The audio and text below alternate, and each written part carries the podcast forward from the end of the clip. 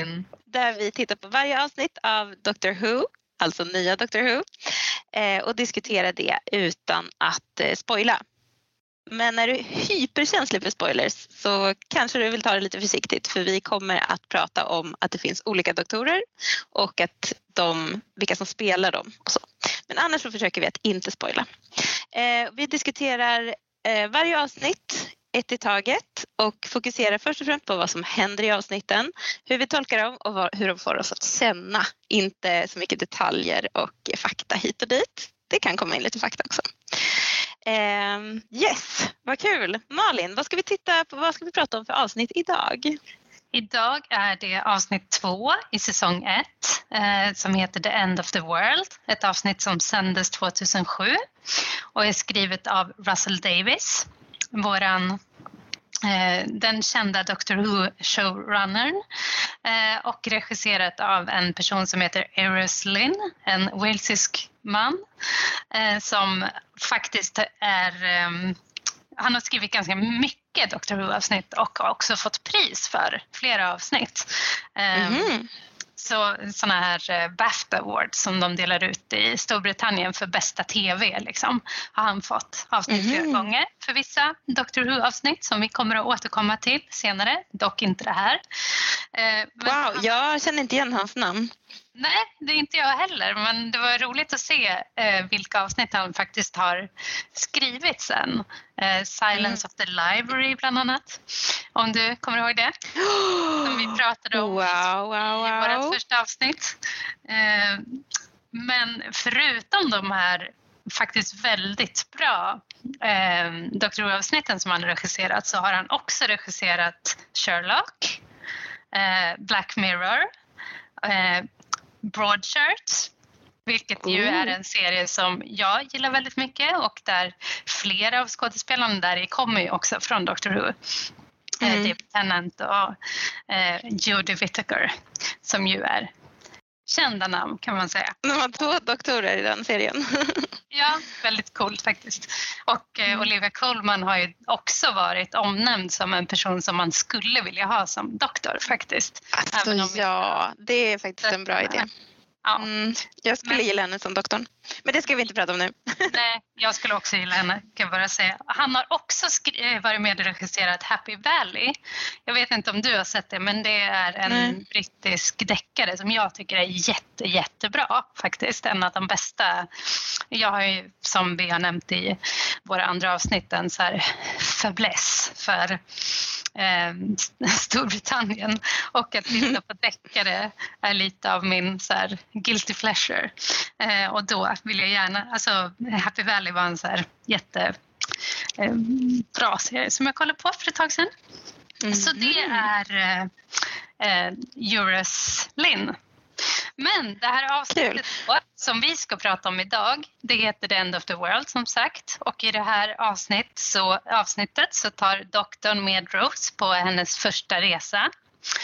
Eh, och resan går 500 miljarder år framåt i tiden och till ett slags rymdevent som man nästan skulle kunna kalla som en lyxkryssning där inbjudna gäster ska bevis, bevis bevittna jordens undergång. Eh, och de här gästerna är förmögna varelser från olika delar av universum. Det är liksom finansfolk, ambassadörer, advokater och uppfinnare, så det är liksom eliten som är där. Eh, men det är dock någon som vill sabotera det här eventet och skickar ut små mördarspindlar för att iscensätta detta. Eh, jordens undergång närmar sig och doktorn måste rädda varelserna ombord skeppet. Eh, och han får eh, kanske oväntat hjälp av ett kvinnligt träd med rötter från Amazonernas, Amazonas regnskog. Eh, så det här är ett avsnitt dels om jorden och jordens betydelse och undergång då, men också faktiskt om eh, att Rose inser vad hon har gett sig in på när hon har eh, tagit sig an den här doktorn och hans äventyr. Och vi får också en del detaljer om doktorns förflutna avslöjade. Mm. Just det, det är väldigt spännande. Mm. Så mm. det händer ganska mycket i det här avsnittet. Eh, så kommer vi prata om doktorns sexapil i det här avsnittet. Vi kommer prata om skönhetsideal nu och då. Eh, och vi kommer prata om eh, jordens kulturella avtryck i universum. Spännande! Ja, verkligen. Ja, det tycker ja. jag. Vilken bra sammanfattning. Var det du som hade skrivit den eller hade du eh, snott den från internet? jag har skrivit den helt själv. Snyggt! Ja. Det var, du körde lite pann där med rötter från jorden och så. Träd, ja, men precis. Jag kände att det var lämpligt att få in lite ordvitsar så här på, eh, till våran eh, podds ära. Ja, men det passar ju väldigt bra för Doctor Who. Ja, och en sån här lördagkväll när vi sitter och spelar in. Dessutom. Jag ska, vill du höra någonting mer om det här avsnittet innan vi går in i liksom vad som händer mer detaljerat? Ja, gärna. Um, det här är faktiskt det Doctor Who-avsnittet som har haft störst budget när det gäller specialeffekter. Um, och det, det var liksom, kallades lite av ett skrytavsnitt för att visa vad nya Doctor Who skulle kunna göra. Så vi ser jättemycket specialeffekter eh, i det och det är också ganska mycket AI.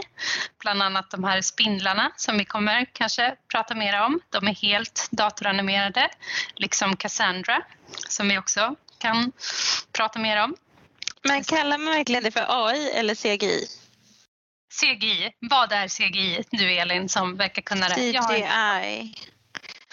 Uh, I don't know. Jag vet inte vad, det är, vad skillnaden är egentligen. Jag vet bara att de brukar säga att det är CGI när det är liksom datoranimerat. datoranimerat. De är datoranimerade, det är inte AI. Jag sa nog något ord som bara kändes rimligt här men de är datoranimerade helt enkelt.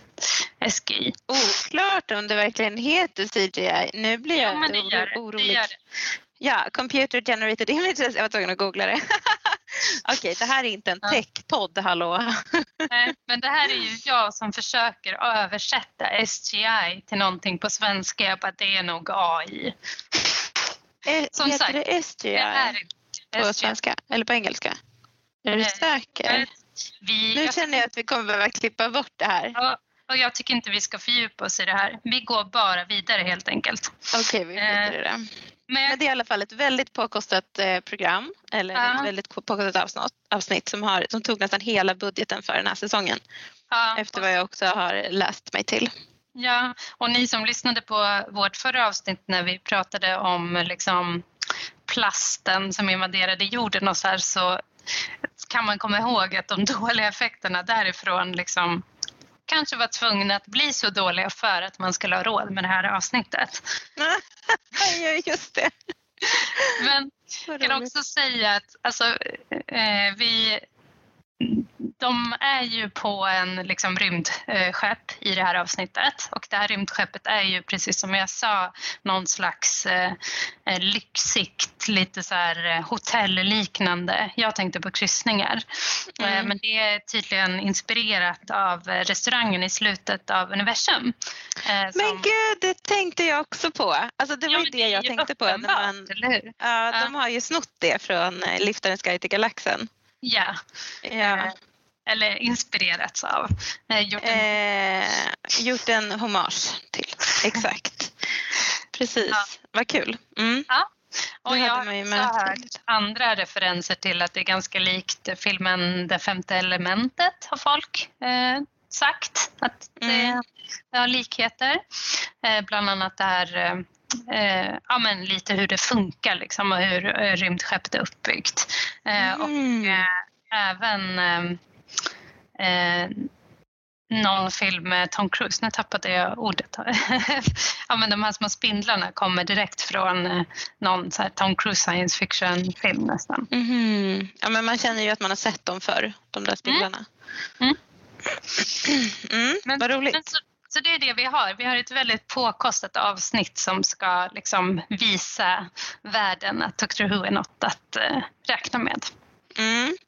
Och det funkar ju faktiskt. Alltså det känns ju som ett ganska um, man känner att jag klagade ju lite grann på att i förra avsnittet så reste de inte i tiden eller Nej. i rymden Fast mm. det liksom är det som är grejen med Dr Who lite grann.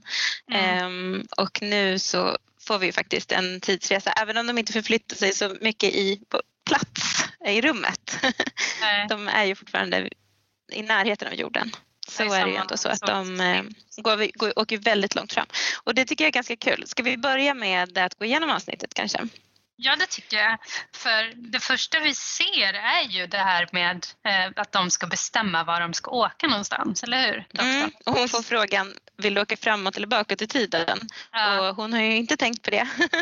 Men hon bara, okej, okay, framåt antar jag. Ja. Och det här pratade vi om i vårt eh, första avsnitt där vi presenterade oss och mm. där kom vi båda fram till att vi helst vill åka bakåt i tiden för det känns så läskigt att åka framåt i tiden. Men Rose var modig där. Eller är det mm. liksom ett modigt karaktärsdrag att vilja se vad som händer i framtiden? Ja, det känns ju så. Eller jag tänker att hon, hon är en väldigt modig karaktär. Mm. Eh, som visar sig väldigt kompetent på många olika sätt också. Och hon tänker så här, jag kan väl åka hundra år in i framtiden och det är kanske det jag också hade tänkt. Mm. Eh, man tänker inte att man vill åka fem miljarder år in i framtiden kanske. Eh, utan man kanske vill tänka, man vill liksom Ja, man vill, man vill se vad som kommer att hända ganska så snart. Men jag tänker mer att jag kanske skulle vilja åka 50 år framåt i tiden eller något sånt. Eh, men de håller ju på att utmana varandra lite. Det tycker jag är ganska spännande. Han, ja. han är lite så här, nu är vi 100 år framåt i tiden men det är ganska tråkigt. Det är inte så stor mm. skillnad. Eh, så då vill de åka lite, då frågar han, ska vi åka lite till? Mm. Och hon är med på det. Och mm. det är lite så här nästan lite flörtig stämning mellan dem. Och han, hon bara, du tror att du är så imponerande säger hon till honom. Mm. Och han, eh, han bara, jag är väldigt imponerande. han blev lite indignerad av det. Um, och så åker de ju, det, jag tycker det är så typiskt Dr Who för de åker ju då eh, 10 000 år in i framtiden mm. och stannar vid det nya romerska riket. Mm. Och han var eh, men vi kan åka ännu, ännu lite till. Men man blir väldigt intresserad av det här nya romerska riket och det är så typiskt liksom att man ska bli lite så här, ja man känner att det kommer lite krokar till vad, vad som kan komma. Mm. Att vi kommer att få, kanske få se någonting liknande. Mm. Um, och sen så säger han liksom, ja så tar han med henne till fem miljarder in i framtiden till mm. the end of the world. Och um, när hon går ut där det är också kul för man får ju se TARDIS en resa då genom rymden precis mm. som det gör i introt. Mm. Så jag trodde först att det var introt så jag blev så förvånad sen när själva introt kom. Mm. jag bara, men har inte vi redan sett det? Mm. För det får man inte så ofta se mm. tror jag, att en resa Nej. åker. Och jag kan faktiskt säga, alltså det här avsnittet är det första avsnittet där man liksom inte har för hittills i Dr Who så har de haft eh, en, eh, liksom, vad hände sen förra avsnittet först? Men det här avsnittet så har man ju en sån här direkt i handlingen innan eh, signaturmelodin, eller mm. ja, tema. Ja men precis, det börjar direkt. Ja precis, det börjar mm. direkt och det är första gången man gör det i Dr Who. Mm. Mm.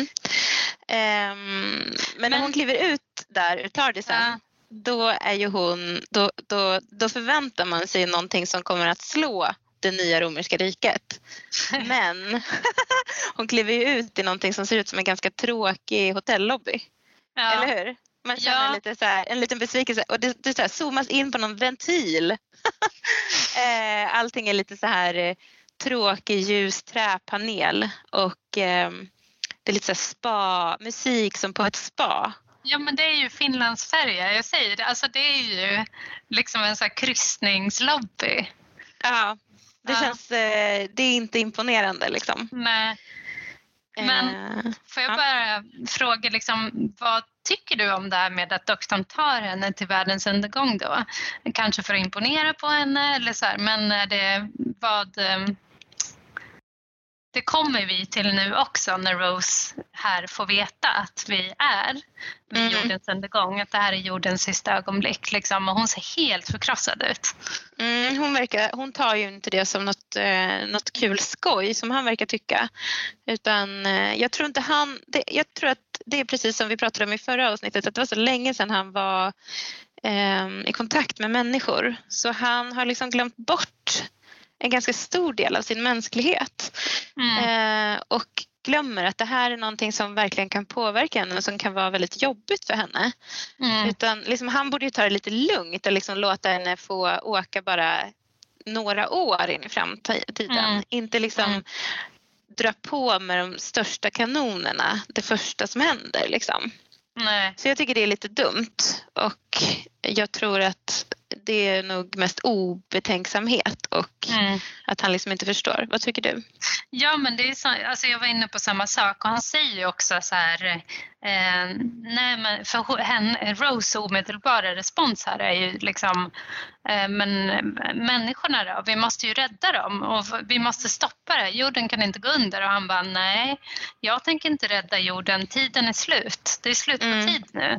Människorna mm. har redan dragit eh, och det är liksom för henne, för Rose är det ju ganska mycket att ta in och för mm. honom är det bara så här, ja men det är det här som är tidsresor, man måste liksom acceptera att tiden har sin gång och vissa saker kan man ändra och vissa saker kan man inte ändra och det här är liksom en sån sak som måste ske. Mm. Men, men för honom är det ju så här, ja, ja men en helt vanlig dag och för mm. henne är det någonting ganska traumatiskt. Det, är ju, det kommer vi ju se hur hon hanterar också mm. under det här avsnittet. Men jag känner ju att det här är också ett sätt för Doctor Who att etablera, för serien då, liksom att etablera att det finns vissa regler. Att vissa saker kan man ändra på och han kan, mm. kan rädda eh, varelser och han kan rädda planeter. Men han kan inte, vissa saker är liksom sett liksom, de är fasta. De får man mm. inte ändra på. De kan man mm. inte ändra på. Men jag tycker att det är ganska intressant för hans eh, eh, hur han förklarar det för henne det är ju att det här är ändå någonting positivt för att så här, ni tänker att ni kommer att dö av klimatförändringar eller, eller global warming då som det mm. han säger. Eller att äta ägg eller kött eller ja, asteroider. Men ni tror liksom inte att det omöjliga kanske händer, att ni överlever. Så det här mm. är ändå hans sätt att säga så här, ni kommer att klara er. Ni, mm. You will be fine liksom.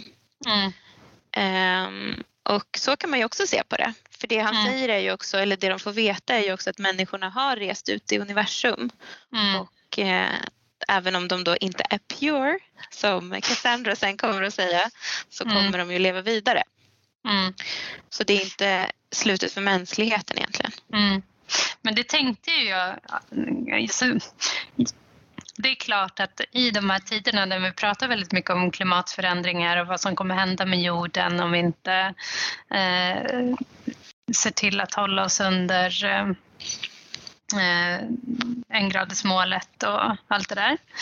Eh, så det är klart att vi ofta pratar om planeten jorden som viktig i sig. Men samtidigt så är det också någonting med det att det är kanske mänskligheten man framförallt tänker på gemene mm. man. Liksom, att det är mänskligheten som ska, eh, som ska överleva liksom, och inte jorden i sig. Nej, um, precis. Men i det här avsnittet så tycker jag att man också liksom får en känsla av att faktiskt planeten i sig är viktig också. Att, ja, men jag vet inte, det är mm. någonting att den är så här, mer än mänsklig så här, posthumanism. Liksom. Ja, den är liksom, det är vårt hem.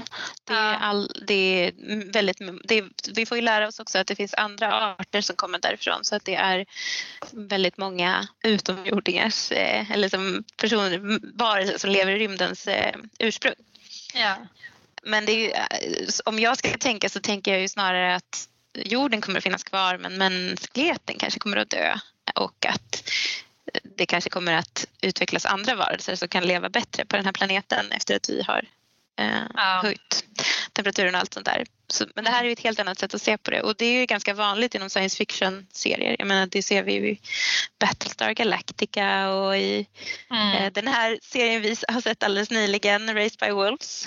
Och eh, Star Trek. Och, ja. Ja, det är ju ett eh, evigt tema helt enkelt. Ja men verkligen, att människorna kommer att leva vidare mm. och eh, det kanske vi kommer att göra. Men eh, vi är ju nu på, vi ser ju nu att efter det här introt då, så ser vi att vi är på en rymdstation. Mm. Eh, och det kommer rymdskepp som flyger in och det heter, vi får höra att det är, vi är på Platform One. Mm. Heter den här rymdstationen då. Eller vad man ska kalla det. Och vi får också höra att det är förbjudet på den här plattformen med vapen, mm. teleportering och religion. Ja. vad tänkte du om de tre farorna? alltså det, det, jag menar, det känns ju verkligen som att Russell T Davis här presenterar någonting, några av de grejerna som han tycker är liksom farligt i världen. Som skapar mm. konflikter och som leder till att, det, att vi inte kommer överens. Kanske Exakt. inte teleportering. Inte, inte teleportering, nej. Men vapen och vapen religion. Och religion ja. Ja, så det, så det, var, det, var, det var ett ganska starkt statement känns det som. Ja, det var en liten spark där mot religionen. Ja. Sen så undrar jag om det verkligen är så. När vi mm. får träffa de här, eh, ja, teleportering kommer vi återkomma till, men det känns ju även som att religionen är lite närvarande. Mm. Eh, Man hade ju velat lägga till kanske då kapitalism och patriarkatet eh, i den ja. här uppräkningen. Ja men precis. eh, ja. Och klassamhället kanske också. Mm, mm, mm. Ja men verkligen. Det, det är ju inte en utopi vi har hamnat i utan vi ser ju att vi är, eh, ja, det är ett väldigt eh, hierarkiskt, eh, en hierarkisk miljö vi, vi är i, ett ja. hierarkiskt samhälle. Och eh, det är också så, det är ju roligt på något sätt för att de pratar väldigt eh, avslappnat om att här, jordens undergång är planlagd till 15.39 följd av drinkar i The Manchester Suite. Mm. så det är ganska kul tycker jag. Mm. Jag gillar den blandningen. Ja, eh, Ja, det, det, är roligt. Men det som händer här också, precis alltså när doktorn kommer så möts ju de av en väldigt stressad steward som är mm. så här, vad gör ni här? Eh, ni får inte vara här, det är förbjudet. Han är väldigt otrevlig. Och då tar ju doktorn fram eh, his psychic paper. Ja! Så vi får se det för första gången det etableras. Mm. Det är ett väldigt, väldigt plot convenient eh, eh, papper han har där. Mm. det kan han alltid använda när folk börjar misstänka vem han är, vad, vad han gör där. Mm. Eftersom mm. det är då ett, eh, en slags eh, identifikation eller legitimation eller ja, ett kort som han kan visa mm. upp. Och där det alltid står det han det mottagaren förväntar sig att det ska ja, stå. Precis. Det som det är bra som för gör, honom. Liksom. Ja, det, som det som gör, gör att han får tillträde. Ja, precis. Ja, det som kommer att släppa ja. in honom där. Det är roligt för han har den i någon slags svart läderplånbok som känns väldigt, passar ihop med hans stil väldigt väl. Ja, verkligen. Det känns som en polisbricka i någon slags, ja, det är ja. så snyggt. Eh, Men det är ett bra säger, papper. Ja, och han säger att det är liksom, den här ger tillträde till doktorn plus one och hans plus ett är ju Rose Taylor, eller mm. Tyler, mm. som man säger. Eh, men ja, precis som du var inne på så ser vi ju här att den här eh, rymdskeppet är till för finansfolk och advokater och allt det där. Alltså, mm. Och precis som att eh, Russell har gett oss en så här, eh, krig och vapen är eh, det som skapar jordens, eller liksom det farliga här i livet så känns det också som att han vill säga någonting om att ja, men han har en ganska dyster syn på mänskligheten känns som. Alltså det som har överlevt är ju precis som du sa, liksom kapitalismen och allt det dåliga. Det är, liksom, det är fortfarande liksom pengarna som styr. Eh, som vi tolkar ju som någonting, alltså kapitalismen som någonting som är väldigt mänskligt. Men här finns det ju mm. i rymden också. Mm. mm. Det verkar ju som att de har ett eh, gemensamt system eftersom de nämner ju senare, eller Cassandra nämner ju i slutet av avsnittet att hon har köpt eh, aktier i alla deras företag eh, ja. för att tjäna på, på sin plan. Liksom. Mm. Men jag vill också säga att, eller uppmärksamma här att Rose visar sig eh, väldigt smart som vanligt. Mm. Eh, återigen, för att han säger att då, eh, jorden kommer gå under för att solen har expanderat eh, så pass mycket och nu kommer den liksom så påverka jorden så då jorden kommer att explodera eller någonting. Och då säger hon att hon har sett ett tv-program om det här och det tar, tar, bara, tar, flera, tar jättelång tid. Det, gör, mm. det kan man inte göra, det går inte så fort. Mm. Och då förklarar ju han då det här med att eh, de har haft, eh, det, finns, det är någon, liksom någon stiftelse då som har sett till att bevara jorden för att eh, det finns ett stort intresse i det. Mm. Det här är liksom ett sätt att bevara kulturarvet som jorden står mm. för. Alla människor har evakuerats därifrån men man har ändå sett till att bevara jorden, kanske som ett museum. Och hon säger också så här, men borde inte kontinenterna flyttat runt om det har gått mm. så lång tid? Också smart. Det skulle mm. inte jag ha tänkt på. Eh, och då säger han så här, det vi ser här det är en classic earth för då har de så flyttat tillbaka kontinenterna så att det ska se ut mm. som på vår tid. Antagligen för att vi som är tittare ska liksom känna igen det då men de måste ju ändå förklara det för oss tittare ja. när det har gått så lång tid. Det är jättekul. Ja, liksom fem miljarder år. Ja, ja. ja, det var, ja men jag håller med. Det är verkligen så här closest, äh, äh, Rose är så himla smart. Ja, verkligen. Jag är imponerad. Ja, jag skulle inte sagt sådär. Nej. Eh, om jag var det. Jag skulle bara köpt det. Ah, ja, jordens undergång. Okej, okay, här kör vi. Nu kör vi. Inte tänkt på detaljerna liksom. Nej. Är hon lite overkligt smart kanske? Att hon tänker på allt det där i stunden? Ja, för samtidigt alltså de sakerna hon säger, alltså det är ju smart och hon kommer ju på det men samtidigt så är det kanske grejer som man ska ha koll på, eller?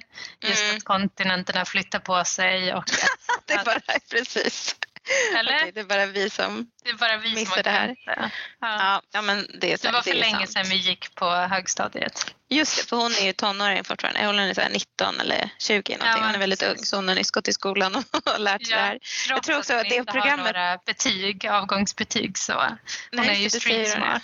Mm. Ja, säger, det, det programmet som hon refererar till är också ett barnprogram läste jag. Så det är ganska kul. Ett så här, det är typ som Lilla Aktuellt, alltså ett, barn, ett program för att förmedla nyheter till barn. Aha, men åh vilka bra nyheter de förmedlar sen. Ja, verkligen. Ja, jag brukar kolla på Lilla Aktuellt, det är bra faktiskt. Jag tycker det. Ja, vi ska också tillägga att du gör det för att du har ett barn du tittar inte på det bara för att du tycker de andra nyheterna är för svåra. Eller? ja, men det är ganska kul. Den här stewarden i alla fall som vi får se, han eh, är ju då en utomjording som är blå och det tycker ju Rose, hon reagerar ju på det. För han var mm. blå. Och sen så kommer det ju en massa små, små versioner av honom som mm. liknar typ eh, Oompa Loompier från mm. Kalle chokladfabriken. Eh, och de har hjälmar och de hoppa runt. Men då kommer ju gästerna. Gästerna gör entré. Och ja. här har vi då först så kommer ju The Forest of Sheem mm. med en helt fantastisk träddrottning som yeah. heter Jabe. Ja. Eh, vad tycker du om henne? Som du sa, hon är ju Alltså det är väldigt snyggt hur de har gjort den här personen. Alltså det är ju, hon, hon är ju gjord av trä liksom hon är ett träd men hon är också en väldigt eh, alltså drottninglik och eh, med, det är en riktig människa som spelar henne och så här så hon har, hon, är, hon har ett ansikte som är väldigt uttrycksfullt och sådär. Eh, och ja men jag gillar henne. Mm. Eh, hon är bra. Hon är väldigt vacker och väldigt eh, imponerande och också väldigt sympatisk känner jag. Ja. Um, det är också så snyggt. Alltså de andra, det är ju många aliens i den här serien som ser väldigt skabbiga ut. Mm. och är lite så här gummiaktiga, dåliga dräkter och sådär. Men jag tycker hon mm. ser väldigt, väldigt bra ut. Hon känns verkligen som en, en cosplay, en perfekt cosplay. För att man ja, kan verkligen. både vara så här, ha en cool, liksom, alltså verkligen se ut som ett träd, göra värsta så här, stubben mm. och grejer runt omkring. Men också vara väldigt eh, snygg, ha väldigt mm. snygga kläder samtidigt. Men jag, jag, tänkte också på att eh, hon har ju med sig två trädmän där och de är det ju inte så mycket fokus på. Man får inte lära känna dem under avsnittets gång på samma sätt som man får lära känna henne men de är också välgjorda. Man ser att mm. de har uttrycksfulla ansikten och eh, är nog ganska snygga också. Eh, alltså så här, ja, de är väl någon slags kungligheter eller i alla fall rika personer men eh, det är välgjort, verkligen. Mm. Ja, verkligen. Men de introduceras så... ju snabbt och bara så här, här är de, nu kommer de in och sen så får man gå vidare till en massa andra. Ja, precis. Bland annat Vilka får vi se? det, det, kommer en kavalkad av olika, men det kommer några slags munkliknande personer i svarta kåpor som heter Anhängarna till det upprepande memet. Ja. Väldigt kryptiskt namn. Fanns meme som koncept? Alltså det här tycker jag är så... Jag undrade också det. I 2007, jag visste Ja. inte vad meme var. Jag vet att när jag började jobba på eh, Datamuseet där jag Mm. också då upptäckte den här serien. Då kommer jag ihåg att mina kollegor berättade för mig vad meme var. Jag hade liksom aldrig hört talas om det. Och så kommer jag att vi skojade om... Alltså de visade den här bilden på en kvinna som dansar. Har du sett den? Hon har någon så här, hon sparkar med ett ben, upp i luften. Det är i alla fall någon så gammal klassisk meme. Ehm, och skojade om att vi skulle ha ett meme-läger för att lära Mm. oss allt om memes. Så jag känner liksom, och det var 2012.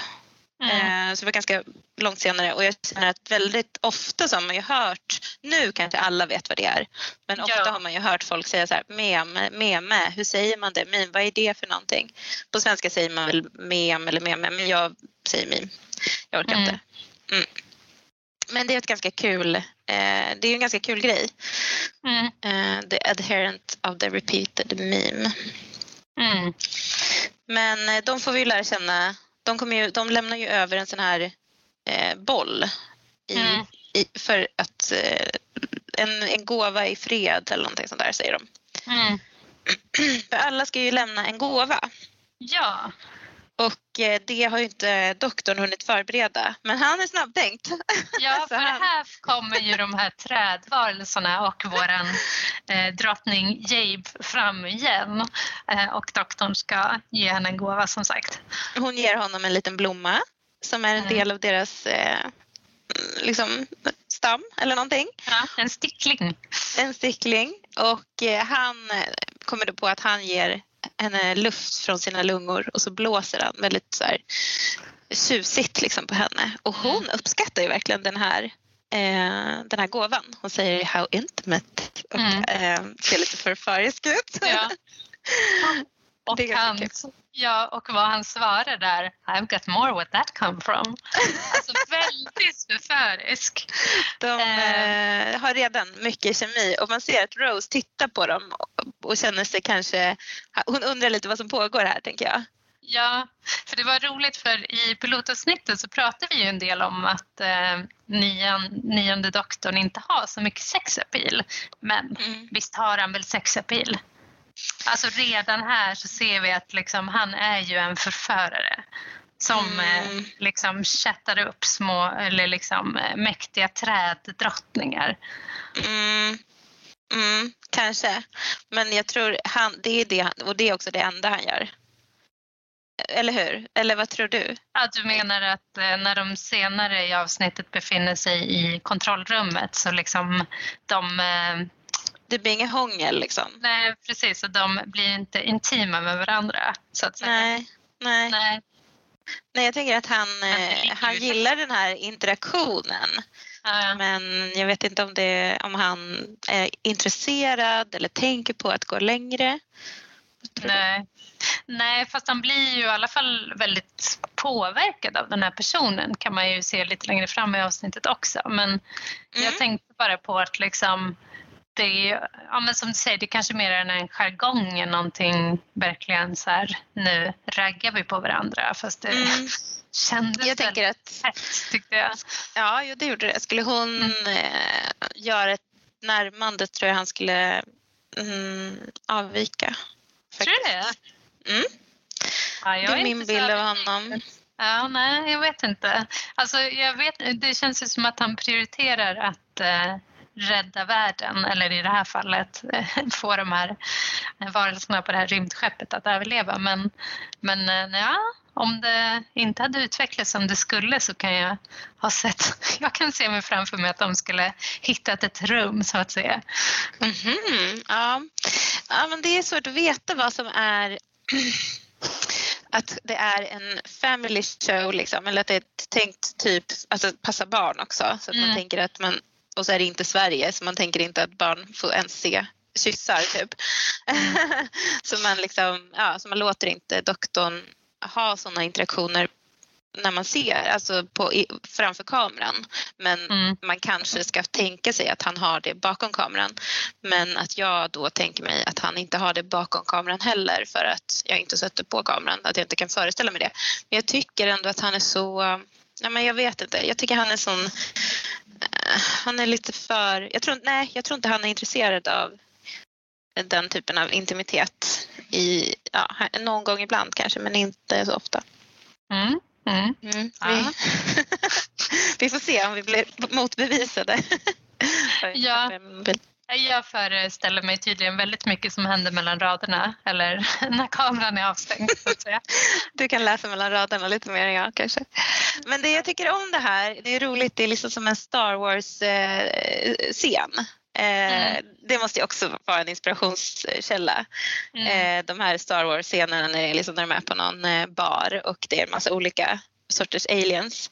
För Mm. vi ser ju också den här Mox of Balloon eller Balhoon eller någonting och så kommer The Face of Bo som är Mm. ett, ett, bara ett stort ansikte i något slags akvarium.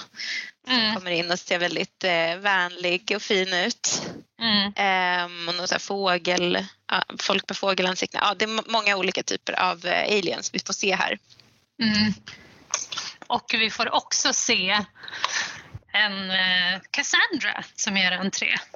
Ja, det är ju då den sista människan och eh, doktorn verkar inte vara förvånad. Han kanske har träffat henne förut men han tittar väldigt så här, förväntansfullt på Rose för att få se hennes reaktion. Mm. Ehm, och när Lady Cassandra gör entré då så då, säger hon, då är hon ju väldigt så här, jag vet, jag vet, eh, jag har ingen haka längre. Eh, jag ser inte ut att vara en dag över 2000. Ehm, så man förstår ju på något sätt då att människorna har ehm, lyckats uppnå väldigt mycket förlängt liv. Mm. Eh, och hon ser ju inte ut som en människa utan hon ser ju då ut som ett eh, kanske lakan eller papper som är, Mm. eller en bit hud som är uppspänt i en ram och sen så Mm. har hon sin hjärna i någon slags burk. Ehm, så hon är liksom som bara som ett papper och så är det väldigt genomskinligt så är det blodådror som syns och så har, man, har hon ögon och en mun, en eh, liksom läppstift målad mun. Mm. Och så har hon två personer bredvid sig, två assistenter som på vardera sida som behöver fukta henne hela tiden. Ja, och eh, Cassandra då, som du sa, den här eh, uppspända huden, eh, det har man lagt väldigt mycket pengar och energi på. Det tog typ två veckor eller flera veckor att skapa det här överhuvudtaget. Och det man ser i den är ju en skådespelares ansikte. Mm. Och det är Zoe Vanamaker, heter hon. Eh, en väldigt känd skådespelare i Storbritannien som har haft ganska Mhm. stora roller. Hon kommer också från teatern, liksom andra. Men för mig, när jag kollade upp henne, så är hon ju mest känd som Madame Hooch från eh, Harry Potter. Jaha, ja, ja, ja, ja, ja, ja. Hon Nu känner jag igen henne. Där. Just det, det är hon ja. Och hon som Mm. har det där korta snagget liksom. Ja, men precis. Gud vad kul. Men hon Ja. är ju väldigt lik sig ändå. Ja. Trots att hon bara är ett alltså ögon och mun och ett uppspänt papper typ. Så är Ja. hon ju väldigt lik sig. Alltså man ser att det är samma skådespelare. Mm. Det tyckte jag var, och, alltså det är så mycket man vill säga om henne här. Eh, och liksom, här är det här som har blivit av mänskligheten. Mm. En eh, kvinna som eh, pratar om hur snygg hon är och eh, man förstår liksom att hon eh, har genomgått ganska mycket för att bli den som hon är. Och det kommer Mm. vi återkomma till snart. Så vi kanske ska återgå, eller återkomma till just det här vad hon representerar och vad Rose tycker om det för de har en diskussion om det senare. Mm. Eh, Så kan vi prata mer om det. Men det som är ganska roligt är att även hon har med sig en gåva och då säger hon att hon har med sig en iPod. Ja, ja, ja, ja, fram Det är där. Ja, och det är ju inte riktigt en iPod, eller hur? Eh, det är inte riktigt vad jag skulle kalla en iPod. Men det är ganska kul för att just det här med iPod, det, alltså en iPod är ju jättekänt såklart vad Mm. det är 2007. Mm. Men 2020, mm, Mm. inte lika självklart. Nej, Så jag förstår ju skillnaden. Fel, liksom. Mm. Så. Eh, men den har ju samma funktion dock som en... Hade du en iPod förresten? Nej, jag hade någon eh, dålig MP3-spelare som var mycket billigare. Mm, jag hade, Hade en iPod. Såklart. Vilket ju är lustigt eftersom jag inte är en Apple-användare sedan dess. Nej, just det. Eh, Men en iPod hade jag som jag la in mina mp3or på och spelade. En rosa, så här metallic rosa. Eh, Den var fin Mm. men känns verkligen som någonting för länge sedan. Mm. Eh, Vilket även mp3 gör. Men, eh, men det är en jukebox och eh, Cassandra väljer ju då att för de här prominenta gästerna spela en eh, av världshistoriens främsta låtar eh, som har lämnat efter sig ett arv. Helt enkelt. Hon spelar Tainted Love av Soft Cell Mm. eh, och får hela salen där eh, i den här att dansa lite, liksom doktorn. Ja, som- jag älskar det. Doktorn gör någon pappadans. Ja, skaka loss där till Tainted Love. Vad känner du för det? Att det är just Tainted Love? Alltså, det var så roligt där. Det, det är, jag tänkte på det när de började spela den att den passar väldigt bra för det som händer här är ju också samtidigt som låten börjar spela att man ser att det blir lite för mycket för Rose. Mm. Att det, det börjar bli en ganska så här intensiv, alltså när man lyssnar på Tainted Love så är den ganska intensiv och den beskriver ett så här, ehm, sen, alltså, de orden som sångaren sjunger samtidigt som Rose får nästan en liksom, ångestattack. De, de går väldigt väl ihop här, tycker Mm. jag. Mm. Eh, Det är också, jag tänker att det hänger också ihop med att de sen spelar Toxic av Britney Ja. Spears. ja, Och att det, de vill säga någonting om kapitalismen kanske. Eller Ja. någonting som Cassandra representerar. Mänsklighetens eh, tox, alltså giftighet. Eller så här, hur män, människan sprider mm, gift på något sätt Mm. runt omkring sig. Det är en ganska deppig bild egentligen av människan. Och det är ju verkligen också det, precis som du säger, liksom, vi har Cassandra, den här skönhetsopererade människan, en kvinna och sen har vi Toxic av Britney Spears och sen har vi Tainted Love och det är det liksom som är arvet från jorden. Det är ganska, Mm. det är ganska deppigt. Ja, men det är också väldigt roligt för hon ger ju också ett eh, strutsägg i gåva Mm. och då säger man att det är det sista strutsägget och man säger och eh, strutsen det var en varelse som andades eld och hade 50 meter i vingbredd eller någonting sådär. och eh, jag har jobbat på museum under många år och eh, jobbat med liksom historia och kulturarv och hur man försöker återskapa bilder av hur det var förr i tiden. Man försöker man hittar liksom skärvor från eh, stenåldern och gissar att det här kanske var en skål man använde för att laga mat i men det kan också ha varit någonting, det kan också ha varit en potta eller så har det Mm. varit en grav, eh, någonting man begravde någonting i. Alltså det, man vet ju inte utan Mm. man gissar bara. Mm. Det här visar ju väldigt tydligt Ja, det, det är ju ganska eh, träffsäkert egentligen då. Om man tänker att det, de kallar det för en, en iPod, när man, de har kvar det ordet men och har en jukebox. Det är ganska nära i tid, Ja, de två sakerna. ja, det är Men- faktiskt bra. Jag läste att, Spaning. eh, ja, jag läste att i originalmanuset så skulle det vara en så skulle hon ha tagit med sig en Harry Potter-bok Mhm. och eh, Magna, vad heter den? Magna Carta. Ja, Någon, den här, eh, ehm, ja, jag vet inte hur jag ska förklara, men det är någon slags eh, jättegammalt lagligt eh, dokument Mm. från Storbritannien eller ja, tror jag. Det, det, jag var tvungen att söka och googla på det och det, Mm. det står så här att det, det, eh, Magna Carta kallas det avtal som 1215 slöts mellan den engelske kungen Johan utan land, adeln och prästerna. Mm. Så då har vi spikat det. Men det här blev ju verkligen någonting annat och jag tänker att det är ganska eh, typiskt Doctor Who också Mm. att ta någonting, så här, ta, använda populärkultur. Att Mm. säga att det är det här som vi lämnar efter oss och det är också så här, det här är en serie för folket som man tar Britney Spears och man tar mm. Soft Cells eh, Tainted Love liksom. Det är det. Ja, men precis.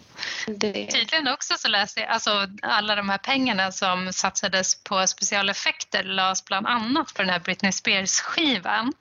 För eh, Toxic trycktes aldrig som eh, singel, alltså en sån här eh, vinylsingel så de var tvungna att göra en egen Toxic-version. Eh, så det är ganska roligt också. Det, ja. det, är inte bara... För man tänker när man tänker på specialeffekter att det är liksom storslaget och det är jorden som exploderar och det är liksom rymden. Eh, det är små spindlar men det är också en vinylskiva mm. av Britney Spears. Mm. Man skulle mm. verkliligen kunna ha en diskussion om vad vi tror att vi kommer lämna efter oss i den här, från den digitala världen. Men ja. Eh, jag tror vi måste gå vidare. Och ja. Eh, då, för, för, Rose tycker jag att det här blir alldeles för mycket. Hon blir liksom överväldigad så hon springer därifrån. Mm. Och eh, Doktorn skriver, springer i alla fall efter henne vilket hedrar honom. För i mm. övrigt så tycker jag han liksom glömmer bort henne väldigt mycket i det här avsnittet. Mm. Men då ser man också att eh, Jabe eh, fotograferar honom med någon mm. slags eh, apparat. Mm. Och börjar, som då skannar av vem han är och man får se då att det, den kan inte identifiera honom. Och hon mm. säger identify species och eh, den här maskinen kan inte riktigt göra det. Och sen så ser man att hon, man får se hennes reaktion, bara, det kan inte vara sant.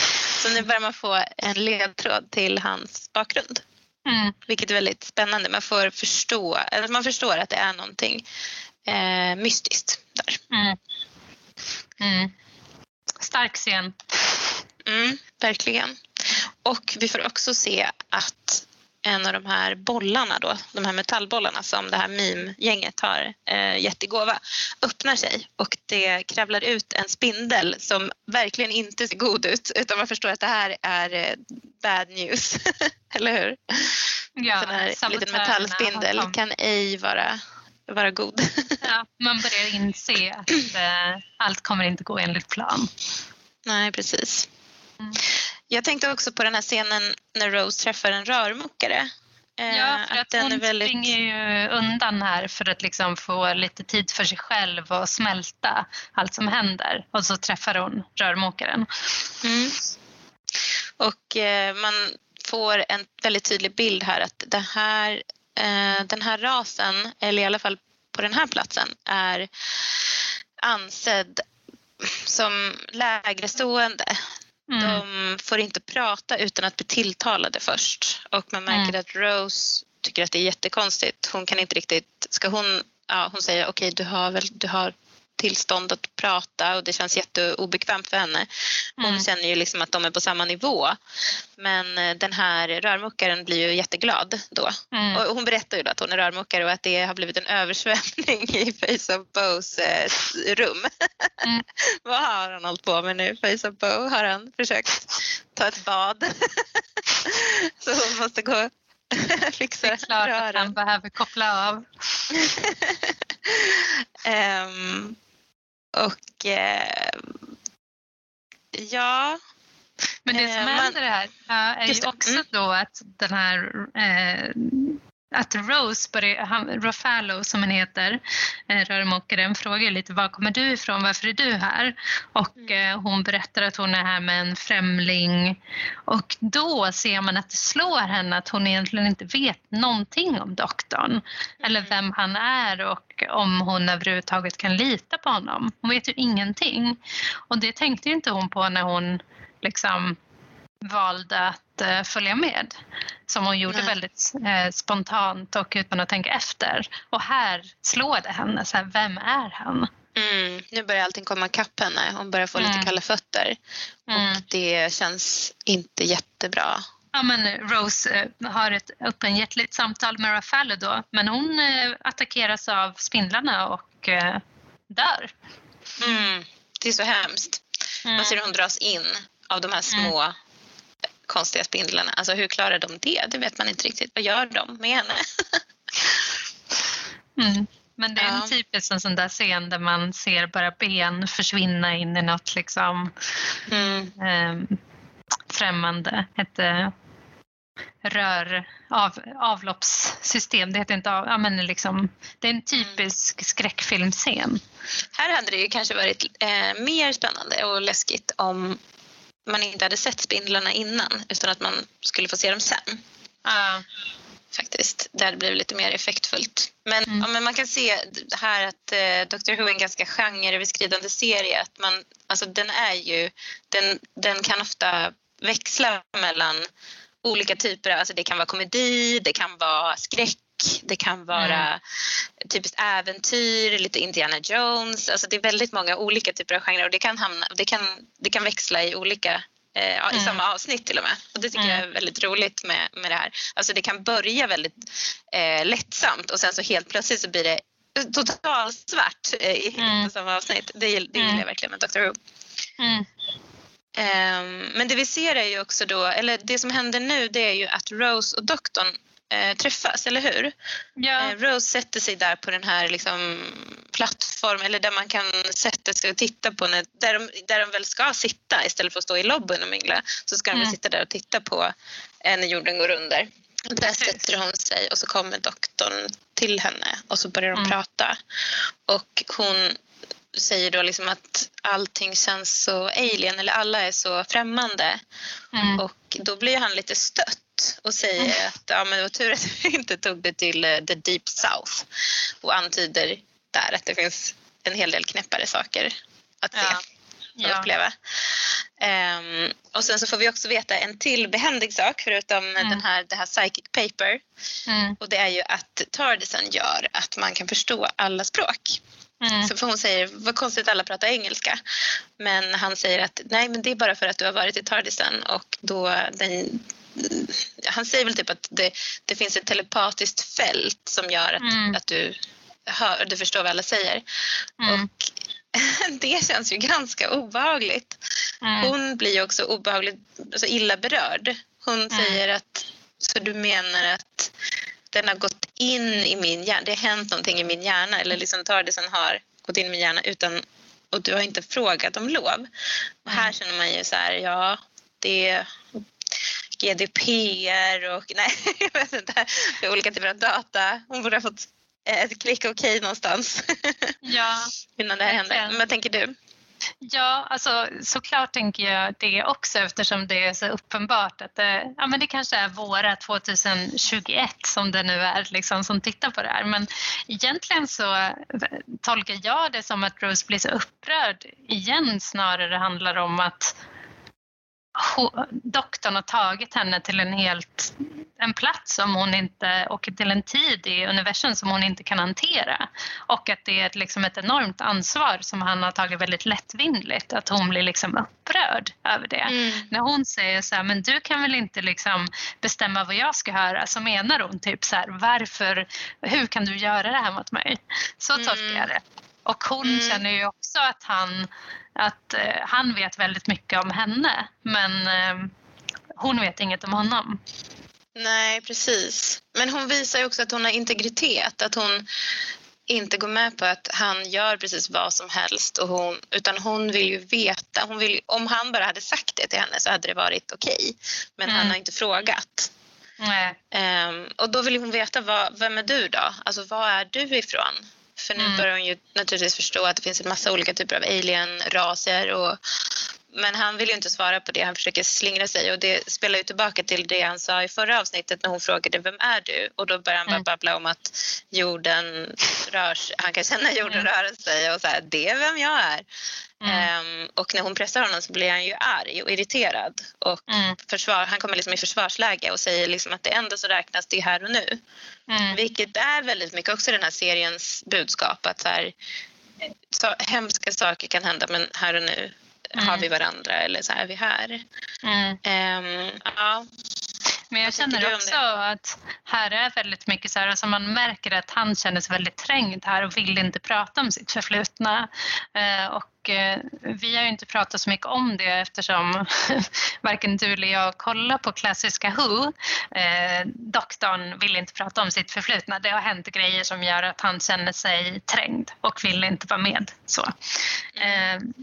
Men det som är roligt här, det som händer härnäst, istället för att liksom doktorn tar ansvar eller liksom verkligen sätter sig och bara okej, okay, nu tar vi den här jobbiga situationen och pratar om vad som har hänt, så löser han den genom att han bara, vad behöver Rose i den här sekunden? Ja, men hon, han, hon behöver känna att hon eh, har kvar sitt gamla liv på något sätt. Så han eh, fixar hennes telefon så att hon kan ringa till sin mamma. Mm. det är fint. Ja. Och eh. då ringer och, och, man får se, helt plötsligt så klipper man till eh, Jackie som är i London och eh, i deras lägenhet och hon håller på med tvätten och hon säger liksom att de här röda topparna du har köpt, de får du eh, be om pengarna tillbaka för de bara faller sönder. Och mm. Det känns väldigt, så här, allting är extremt vardagligt och man blir lite så här, för hon frågar nog, Rose frågar väl vad det är för dag och Jackie frågar, är du bakis? Jackie antar väl bara att hon har sovit hos Mickey. Ja. Eh, man tänker att det kanske är dagen efter förra avsnittet eller någonting sånt. Mm. Och så, så det här, ja men det får ju henne att känna sig ändå liksom nära sin mamma och eh, jordad så att säga. Mm. Samtidigt så säger hon ju sen också att liksom okej, okay, fem miljarder senare så är mamma död. Mm. Och det är väldigt, hon får lite existentiell ångest över det, mm. vilket man kan förstå. Lite, lite. Ville du säga något mer om det här? Eh, nej, det, det vi, vi har den här fina stunden då där de liksom eh, blir vänner igen kan man säga efter lite oro och ångest. Och då plötsligt så blir det något typ av skalv i mm. den här rymdfarkosten. Just det, och doktorn säger att så där ska det inte låta och eh, rusar iväg. Mm. Och, eh, jag kommer att jag tänkte, när jag såg det här första gången, då tänkte jag nog att eh, han har varit där förut och varit med om det här, men det har han ju naturligtvis inte. Han bara vet att så ska det inte låta på en sån här, den här typen av eh, rymdskepp. Liksom. Mm. Och eh, jo, men han går fram till Jabe, den här mm. trädkvinnan då, och frågar om hon tycker att motorn låter konstigt men hon är så här, jag kan inte förstå eh, metall. All metall låter lika för mig. hon är så himla naturlig. En naturlig ja, verkligen. Men hon är ju väldigt eh, ohyfsad här för hon frågar mm. ju då om, för de, han säger att eh, hon, han, han frågar om hon vet var motorn finns. Mm. Eller motorn eller datorn, huvuddatorn eller någonting sånt där. Mm. Kontrollrummet. Eh, kontrollrummet, the mainframe, är det så det kallas? Något sånt. Inte. Ja. Och då säger hon att eh, Åh, det ligger alldeles i närheten av mitt rum. Hon, det känns som hon tänker att de kanske ska gå till hennes rum istället. Eh, så hon ska visa honom. Och eh, mm. då säger han att jag kan visa dig eller er båda Eh, och sen så, så här, din, är det här din fru eller din partner? Eh, och båda är så här, ger ingen reaktion typ.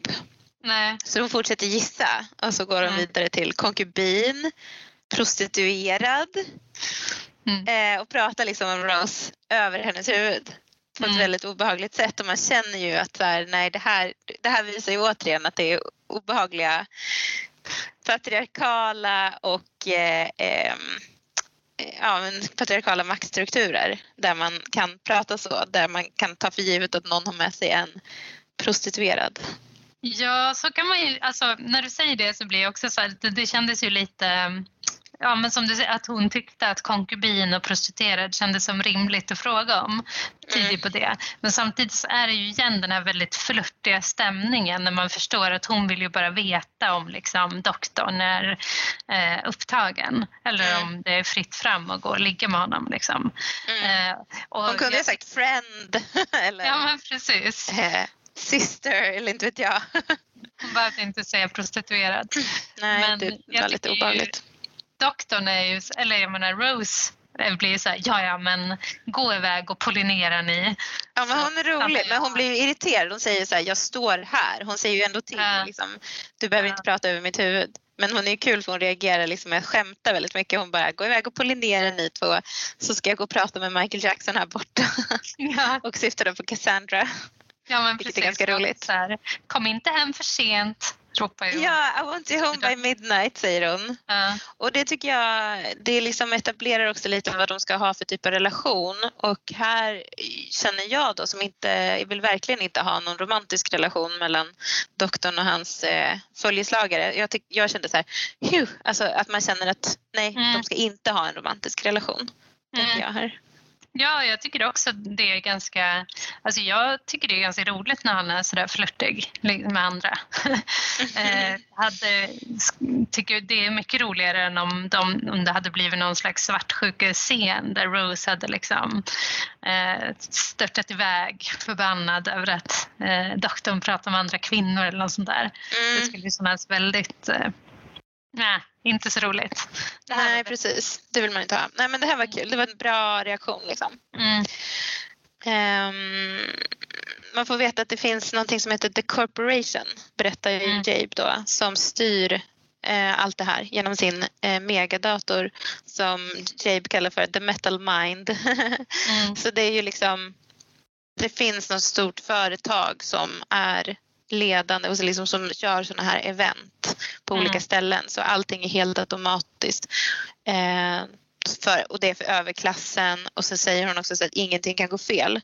mm. Och då säger doktorn så här att jag har också varit på ett sånt, eh, ett sånt skepp eh, som var unsinkable och hänvisar Mm. då till Titanic som de pratade om i förra avsnittet att han, Ja, där man fick se en bild att han var Ja. på Titanic. Eller han Ja. var med en familj som skulle resa med Titanic men ställde in sin resa. Mm. Så det var ganska roligt tyckte jag. Mm. Ja, Men det visar ju också att ingen, ingen, det finns ingen att prata med. Det finns ingen eh, som kan hjälpa dem om det blir något slags om det blir problem. ja. Och det är ju typiskt det här med att säga så här, men don't worry, nothing can go wrong. är ju liksom den så här, eh, ja, om man säger så, då kommer det gå fel. Är precis, det är famous last words. Ja. Ehm, mm. Så de springer iväg där eh, för att fixa något eh, medan då eh, Rose får ta en liten, prata på tu man hand med Cassandra, eller Mm. Michael Jackson. Precis. Och om vi då ska prata om Cassandra eh, så Mm. representerar ju hon någonting då som här känner man att Russell T Davis han vill lyfta en kritik mot de Mm. ouppnåeliga skönhetsidealen som vi har i Mm. vårt samhälle och som särskilt då kvinnor får utstå. Så det är därför vi Mm. har en kvinna som spelar den sista människan. Mm. Eh, Det finns också något citat från honom där han pratar om att han såg Nicole Kidman på någon eh, ja, gala och att hon såg ut som en pinne. Att hon var helt... Och vad gör vi med de här, mot de här eh, människorna? Vad gör vi mot de här kvinnorna? Eh, och det är ju bra. Jag gillar att de har gjort så med henne att hon ser inte, hon är inte liksom en extrem hon, är inte, så- hon ser inte ut som en Barbie-docka utan hon är, hon, det har gått fem miljard, 500 miljarder år, hur mycket var det nu igen? Det har gått Mm. jättelång tid så att hon, det är klart att hon, skönhetsidealet måste förändras och hon är liksom, det är så extremt. Alltså, Mm. hon är bara, hon är så eh, smal att hon bara är ett papper. hon är tvådimensionell liksom. Mm. Eh, hon har ingenting. Hon, ja. Och det här känns ju ännu mer angeläget idag än 2007 för idag är det ju ganska vanligt med skönhetsingrepp och ehm, fillers och Mm. typ botox. Och, alltså det är ju, vem som helst har ju råd med det idag. Idag är det det, då kanske det var mer för överklassen eller för kändisar eller någonting men Mm. idag är det ju väldigt, väldigt eh, tillgängligt för alla och man har Instagramfilter och man har ett skönhetsideal, alltså man ser bara sig själv och man ser andra via sin telefon med filter på så man Mm. ser, alltså ungdomar idag liksom ser inte Mm. människor som de ser ut på riktigt typ Mm. för man lever väldigt mycket på internet. Så det, det- det, känns väldigt angeläget. Ja, men det som är intressant med det idag också är ju liksom, jag tror inte att det här avsnittet skulle göras idag för att det är inte heller riktigt okej längre att kritisera skönhetsoperationer utan att det har ju blivit inlämnat i någon slags feministisk diskurs. Alltså eh, med, inlämnat i en feministisk diskurs menar jag en liksom eh, att feminismen har eh, kidnappats av, till alla olika Mm. sorters eh, ändamål och där man kan använda även liksom en av de mest patriarkala sakerna, att kvinnorna, kvinnor behöver l- anpassa sina kroppar genom att skära sönder dem och liksom utsätta dem för nervgift och allt annat för att bli attraktiva. Det är liksom numera så säger man så här, ja ah, men vadå, det är ju feminism, man får göra vad man vill. Eh, och det är ju någonting Ja, så jag vet inte, jag tror inte att den här, det här avsnittet skulle göras så idag. För att Nej. nu är det helt normaliserat som, som du säger och samtidigt så är det ju verkligen en kritik som inte är inaktuell på något sätt. Nej, nej verkligen. Nej, hon skulle kunna framställas som en, då en feminist i, idag då. Ja. Men hon, här, det jag vänder mig mot lite grann är ju att hon framstår som en väldigt, alltså American Housewife typ, en eh, skandalkvinna. Hon har haft, hon, han visar hela tiden till sina olika män som har dött. Mm. Mm. Hon känns som en makthungrig, pengahungrig eh, golddigger som vill göra allt för att eh, klättra och mm. ja, fortsätta liksom bara bli vackrare och vackrare då enligt sina ideal. Och hon säger att hon har gjort, jag vet inte hur många eh, skönhetsingrepp, 700 någonting mm. eller någonting sånt där. Ehm, men hon är ju ett offer egentligen då för det, det kapitalistiska och patriarkala systemet. Mm. Men det är, där har man inte riktigt kommit i analysen än utan hon är ju också en väldigt hemsk människa som är, har valt det här själv och hon är mm. också väldigt rasistisk och ser ner på andra människor och eh, ja. eh, speciellt då på de som hon anser vara eh, blandras eller eh, subhumans eller vad hon, hon säger. Hon säger kallar. mongrels, mongrels. Mm. Mm. vilket ju är ett extremt nedsättande ord. Just det. Så hon, men, är ju också, hon är ju en väldigt hemsk människa. Ja, men det är väl det som blir så dubbelt eftersom å ena sidan är det liksom en kritik mot eh, det här samhället som tvingar kvinnor till att bli, eh, lägga sig under kniven. Men å andra sidan så blir det också en, liksom, en kvinno... Eh, hat, alltså just det här med att man då mm. det, det, man skuldbelägger ju kvinnorna själva och gör dem till onda. Liksom. Mm. Alltså det är den så här onda styvmodern typ. Det är en kvinnohatande är... stereotyp som hon får vara liksom. Ja. Men hon är ju också... Rose representerar någonting liksom gott. Hon är så den sunda, mm. eh, naturliga unga kvinnan. Som ja. är liksom, hon har, hennes kläder är också väldigt så här, vardagliga. Hon har så jeans, den framhäver inte hennes kropp och hon ser mm. väldigt så här, naturlig ut på ett mm. sätt som jag inte tror vi skulle ha sett i en amerikansk serie utan det här känns väldigt europeiskt på något sätt eller mm. brittiskt kanske att man får se en tjej hon är liksom inte sexualiserad på något sätt. Och det är ju mm. härligt. Det är väldigt bra. Ja. Um, men hon, det är också roligt med Cassandra då, för hon säger ju då i förbifarten att eh, när hon var en liten pojke som växte upp på jorden för 2000 mm. år sedan, eller när det nu var, med sin mamma och pappa. Eh, så man blir så här, var, var hon, okej, okay, hon var en pojke när hon levde på jorden. Betyder det att hon har, liksom, att hon har bytt kön eller är det tanken att hon um, ska vara, att det är liksom som det här med strutsen och jukeboxen, att hon liksom inte har koll på eh, saker längre. Att hon har så glömt mm. bort så här, vad, vad som, hon kanske använder ordet boy som eh, barn. barn. Mm. Eh, det kan vara något sånt. Mm. För att det är ingenting som man... Det, men det kan ju också vara ett sätt att understryka hur mycket hon har förändrat sig. Att hon mm. har kommit så otroligt långt ifrån den människan hon en gång var. Mm. Men jag tänker också lite grann på den här romanen Orlando, den fantastiska, eh, som liksom spänner över flera århundraden och där karaktären, huvudpersonen först är en pojke eller en man och sen blir mm. kvinna och det förklaras inte. Det är lite, mm. kanske lite inspirerat av det med tanke på mm. att Russell T Davis är en eh, person med kunskap om hbtq-frågor och sådär. Och det är mm. ju en sån hbtq-klassiker verkligen. Mm. Orlando. Mm. Jag har skrivit en eh, uppsats om Orlando en gång. Ja. Jag läste litteraturvetenskap så gillade den referenserna. Ja. Men det som är lite roligt där är ju också att liksom, eh, Cassandra skryter om att hon är den sista människan och sen så står det en eh, livslevande människa som ser ut som en människa bredvid henne. Och mm. eh, Rose behöver liksom påpeka att men hallå, jag är också människa för att hon ska se, in, se det. Mm.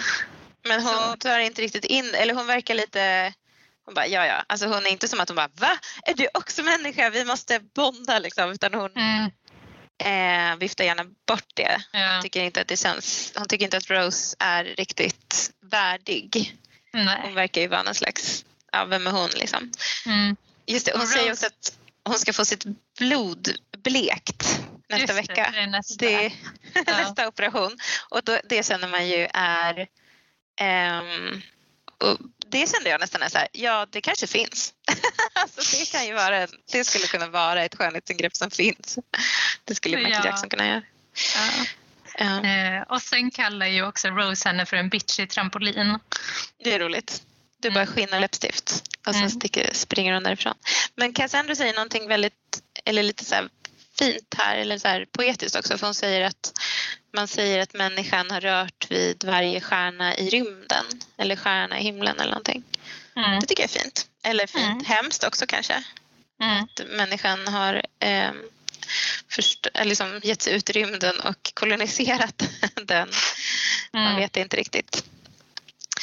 Ja, men eh, vi får, under tiden då så, får, så håller ju doktorn och att lära känna varandra närmare. Och eh, hon berättar ju att hon härstammar från jorden så jorden har en eh, speciell betydelse för Mm. henne. Hon är härstammar från, eh, hon är direkt descendent så, från eh, regnskogen. Hur har den, vad hände? Skickade, vad hände liksom? Skickade man ut någon palm? Mm. Alla de här sticklingarna som Ja. Sen gjordes om till människor. Ja, man fattar inte riktigt men man tycker ändå att det är coolt på något sätt. Det är coolt. Mm. Eh, och doktorn försöker då hacka in sig på datorn då med sin Sonic Screwdriver och hon försöker få honom då, hon försöker liksom få honom att öppna sig och berätta om Mm. sin härkomst. Vem är Mm. du? Så vi får igen då det här, vem är han egentligen? Och man förstår då att på det hon säger till honom att, att han har ett mörkt förflutet och hon säger Mm. där att hon är väldigt ledsen för att han har förlorat Mm. allt och att det är fantastiskt att han ens existerar. Mm. Och hon ser så beklagande ut och eh, det märks att han blir väldigt påverkad. Och man ser en närbild på hans ansikte och han får Mm. tårar i ögonen. Mm. Och man känner att det här är liksom att de ändå delar ett ögonblick av närhet och eh, samförstånd. Mm. Mm. Det är inte bara sex det handlar om det här utan även själar som rör vid varandra. Det är något mer. Mm. Hon, hon gör ju också någon sån här cool lian. Hon skickar iväg en lian och Just hämtar en av de här robotarna. Mm. Och så säger hon så här, jag får inte göra det här eh, in public för man förstår, okej hon är någon slags adelsdam eller hon är liksom, Mm. hon ska inte göra sådana saker men hon kan göra väldigt coola saker. Hon är lite så här, Mm. eh, hon är lite superhjälte också. Synd att Mm. man inte fick se mer av det kanske.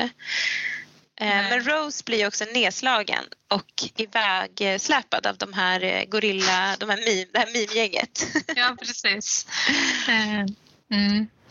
Och eh, man förstår då att det är, eller ja, man har väl redan misstänkt dem, som, men nu, förstår, nu misstänker man dem ännu mer. Mm. Eh, och samtidigt så samlar Cassandra gästerna omkring sig i lobbyn och eh, säger att nu ska vi sörja civilisationens vagga. Ehm, och det antyder ju då, liksom, precis som vi har sett tidigare, att många av de här utomjordiska arterna härstammar från jorden. Och det är då de börjar spela Toxic. Mm.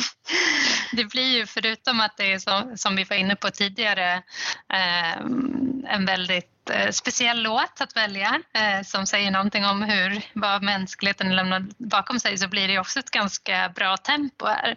Ja, Alltså, verkligen. to- tox, Det alltså går ju över i någon slags så här hetsig... Ja, precis. Det höjer Ja. tempot verkligen.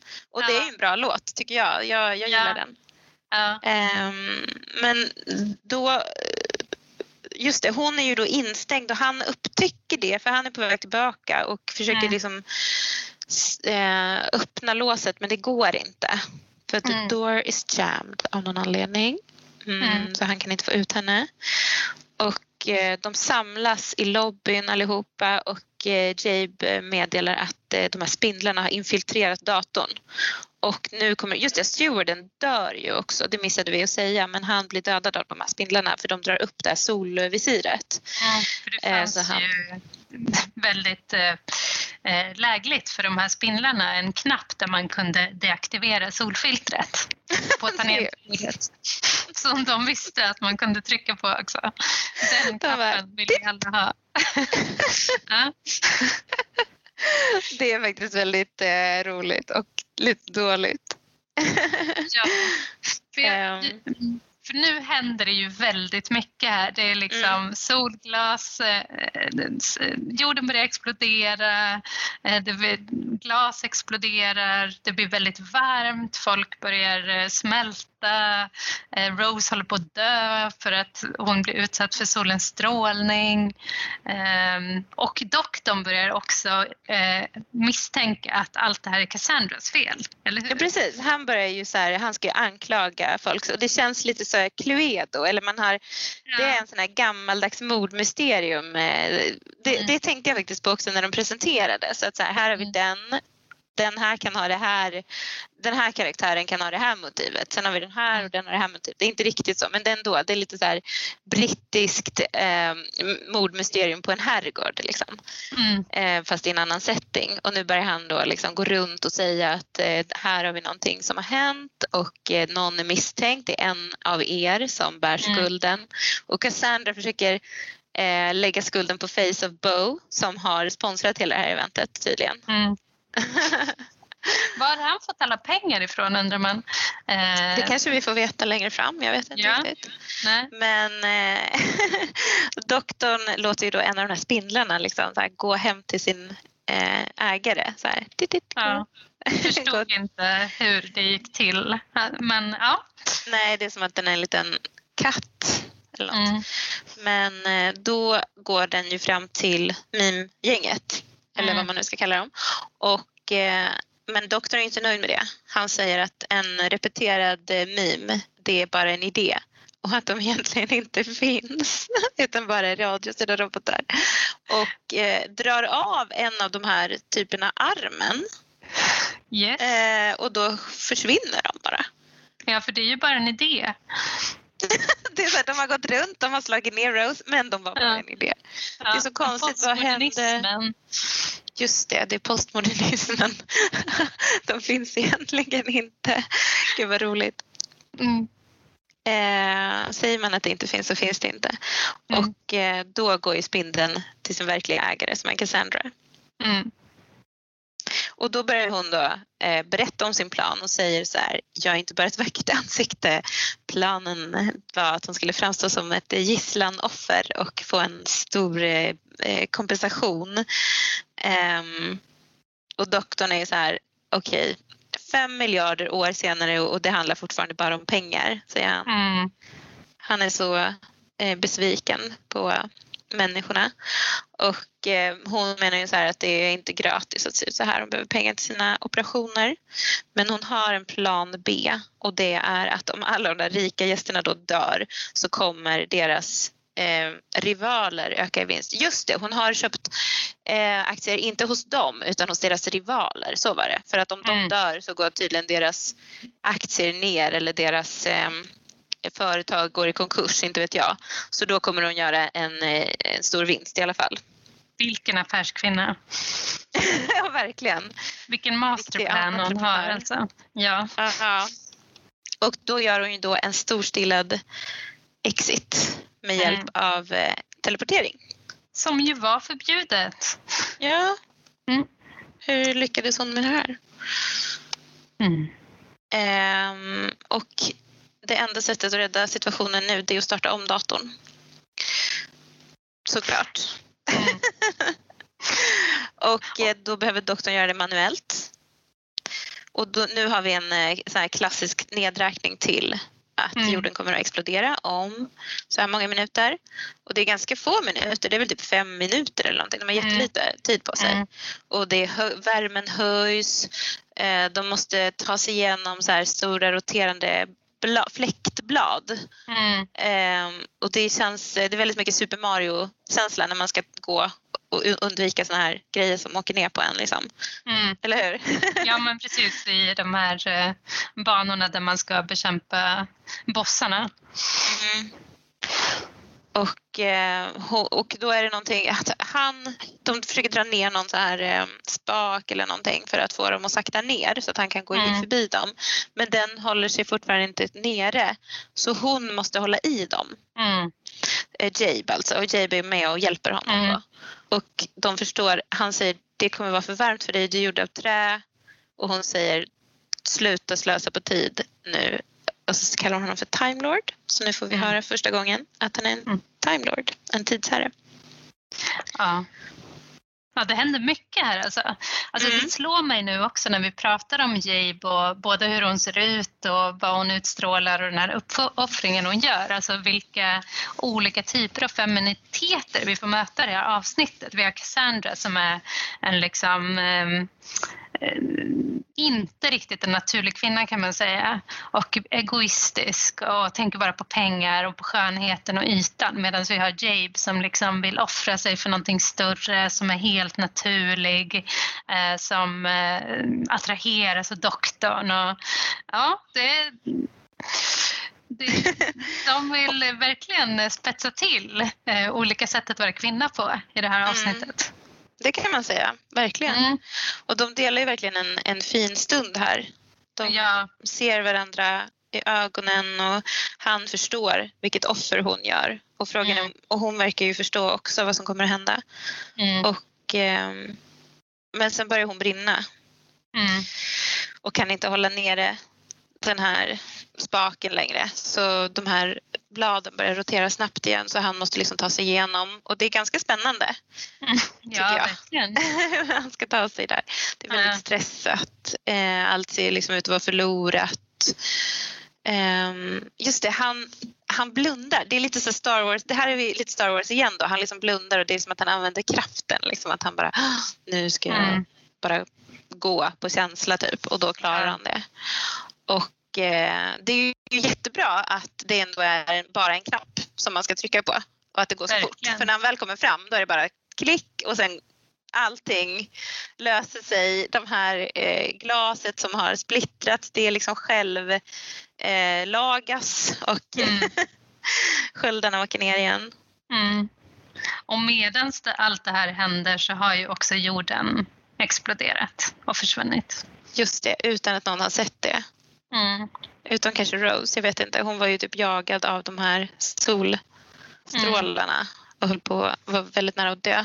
Där. Nej, men hon säger ju det när de återstrålar doktorn och Rose och liksom ser att de klarar det så säger ju Rose att eh, ja, det här var jordens undergång och eh, vi missar den. Mm. Vi var för upptagna med vårt egna. Mm. Mm.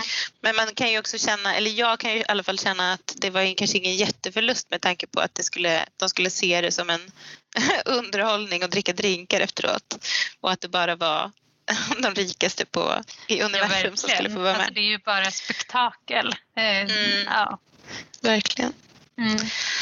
Men de samlas då igen och eh, doktorn är arg och Rose frågar om han är okej. Okay och han säger att han mår jättebra men liksom springer förbi henne väldigt argt. Eh, och han liksom är hämndlysten. Mm. Och hittar Cassandras sändare som låg gömd i det här ägget, strutsägget. Mm. Och förstår att liksom, eller han, han så räknar ut att om man ska kunna teleportera sig härifrån så måste man ha en sändare och den måste vara gömd här. Så han mm. liksom, um, han är ju väldigt uh, smart här liksom. Det är lite Sherlock-stämning. Mm. Um, och då kan han också vända tillbaka teleporteringen. Så han vrider liksom på något så här hjul och då kommer Cassandra tillbaka mitt i en, hon håller ett sånt här eh, vinnartal, typ. Mm. Ett sånt här, eh, eh, ja. Och då kommer hon tillbaka mitt i det här talet. Eh, så åter eh, re, re, rematerialiseras hon där. Mm. Um, och försöker tänka snabbt och säga så här, det var bara ett test. Ni, ni klarade testet. Uh, ni är med i mäns, människoklubben eller hon säger något sånt där. Mm. Um, men han vill inte höra på det utan han säger du har, mörd, du har dödat människor, du har dödat folk. Och uh, hon säger så typ, hon säger kanske så här, det beror på vad man menar med folk. Hon ser Mm. inte de som, hon tycker bara att människor räknas, rena människor. Och då är det ju bara Mm. hon kvar då. Men hon är ändå ganska eh, säker på att hon kommer kunna slingra sig ur en, en rättegång med sin eh, skönhet. Hon kommer börja gråta och eh, eh, le eller någonting sånt där. Hon säger Mm. något sånt. Men doktorn säger att hon en, håller på att spricka. jag ska säga att jag såg det här avsnittet tillsammans med mina barn och de Mm. har aldrig sett Doctor Who tidigare och de är eh, sju och nio år. Mm. Eller rättare sagt, jag satt och såg det med min nioåriga son eh, och precis innan det här så kom min sjuåring in och jag mindes inte att det var någonting hemskt som hände i det här avsnittet så jag bara, men du kan titta. Och så ser man hur de, hon börjar spricka och de frågar mig så här, kommer det bli otäckt? Och jag bara, nej, nej, det, det är inte otäckt. Det, det är ingen fara. Och den spricker och, och det är skitäckligt. Det Ja. bara exploderar, splash och, och, och liksom flyger blod och äckel åt alla håll. Ja, det var synd att hon inte hann bleka blodet. Ja, För det, det, hade blev inte varit lika så äckligt. blodigt här. Mm. Ja. Grafiskt. ja, nej men det är hemskt. Men innan hon spricker så säger ju också Rose, du måste hjälpa henne, säger, han, säger hon till Mm. doktorn. Men doktorn säger att allting har sin tid och alla måste dö till slut. Eller han säger någonting Mm. sånt. Men jag känner att det här är ju inte så. Det här, ha- han hade kunnat rädda henne men han är så arg för att Mm. hon är skyldig till Jabes död. Mm. Ja, som du sa, alltså, han är grym. Han är liksom hatisk och vill ha hämnd. Eh, och det är ju också en sida av doktorn som Rose inte har fått se ännu faktiskt. Så, mm.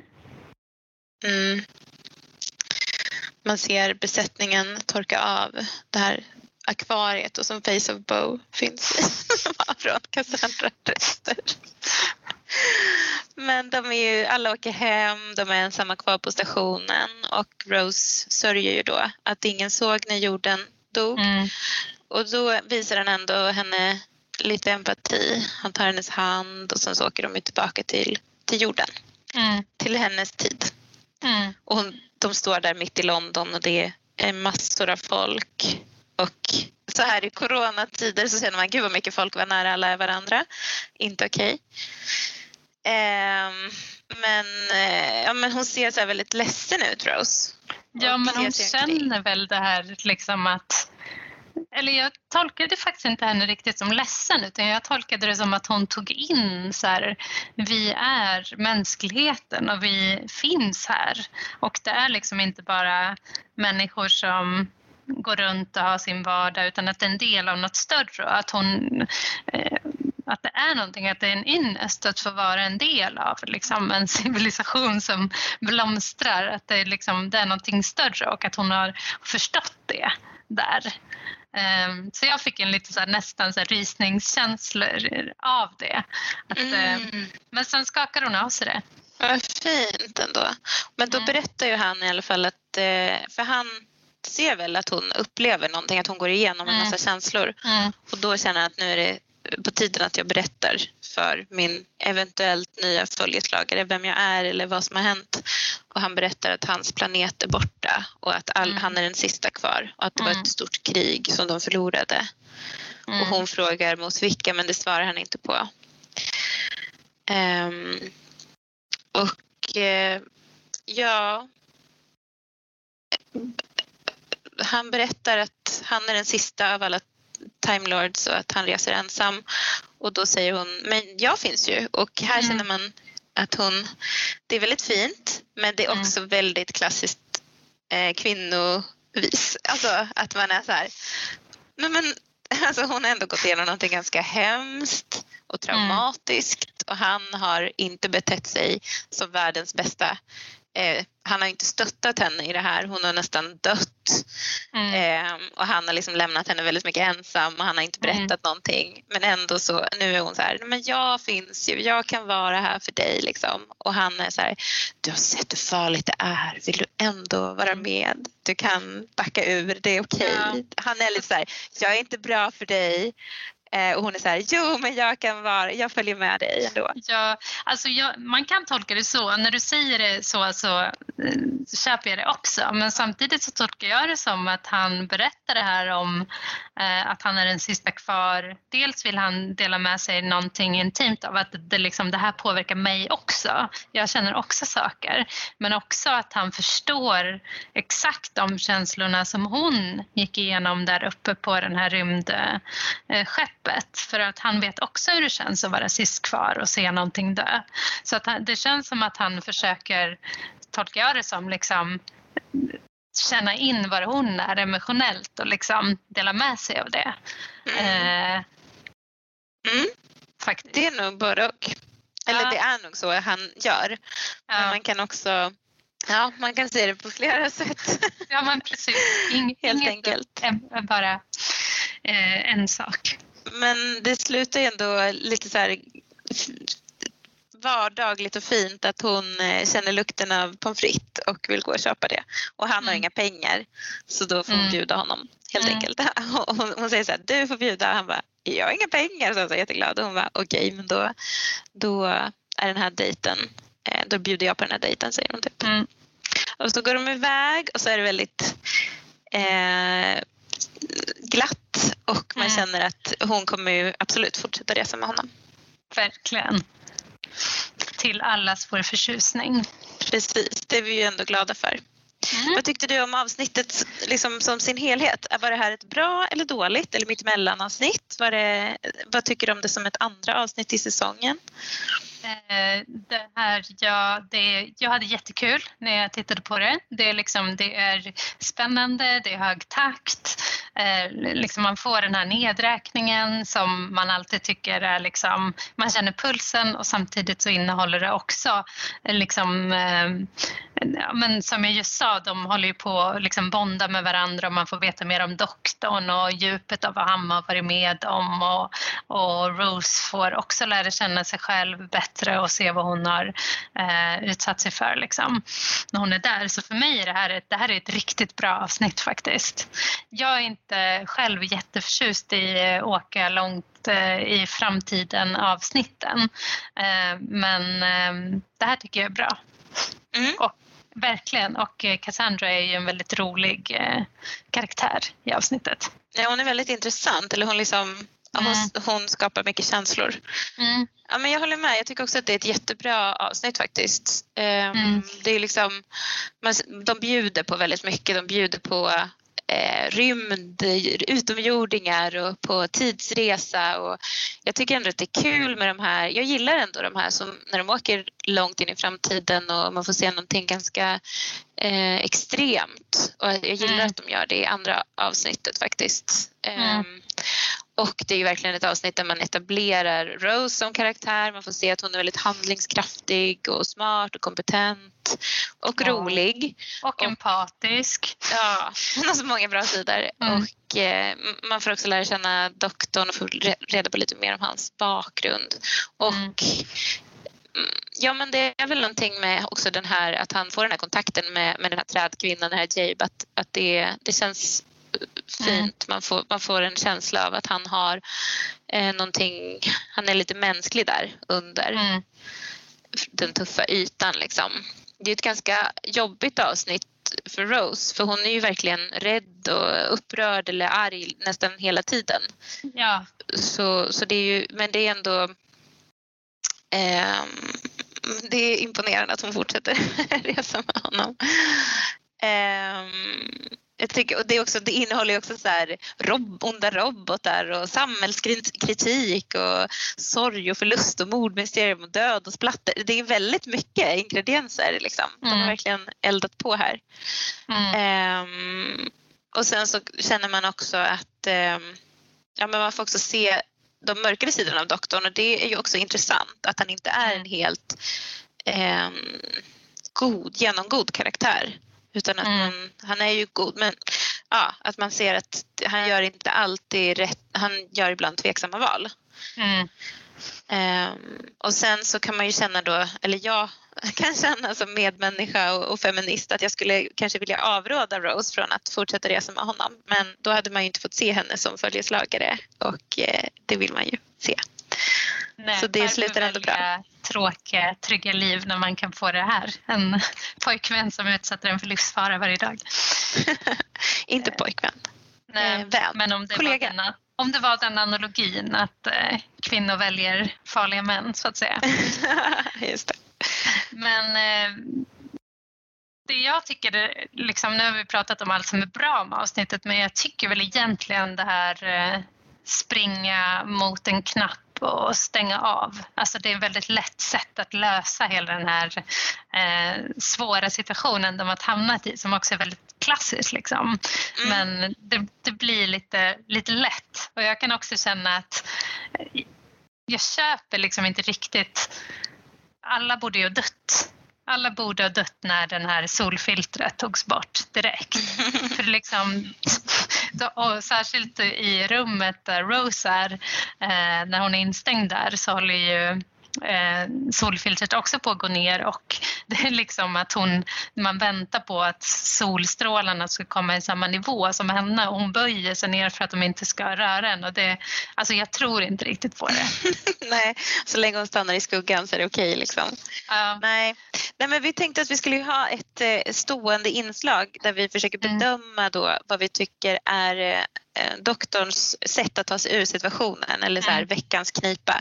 Eh, mm. Så avsnittets eh, eh, cleverness har vi mm. valt att kalla det just nu. Mm. Eh, och att vi ska bedöma det, ge det ett betyg mellan 1 och 5. Så vad mm. ger du då det här avsnittet för betyg i just cleverness? Eh, jag väljer Alltså doktorn genomskådar ju Cassandras eh, plan här och eh, ser också att hon eh, löser grejen kring att telepatera att hon har telepaterat sig eller, och att han kan se till att hon kommer tillbaka och så här. Så han är ju ganska clever ändå. Även om det är mycket springa och trycka på en knapp så har han eh, ändå klurat ut en hel del. Så jag tycker att han är ju clever. Eh, så jag skulle nog eh, ge det en fyra på clever-skala. Oj, det var ändå ganska högt. Ja. Mm. Ja, men jag känner, nej, jag, jag vet inte. Ja, men jag, det är just det här, det blir minus för att det bara är att stänga av en knapp. Um, att han bara ska ta sig igenom de här grejerna och, och eh, stänga av en knapp. Trots ju... att han behöver gå in i zen-mode och eh, eh, mindfulness för att känna in de här roterande bladen.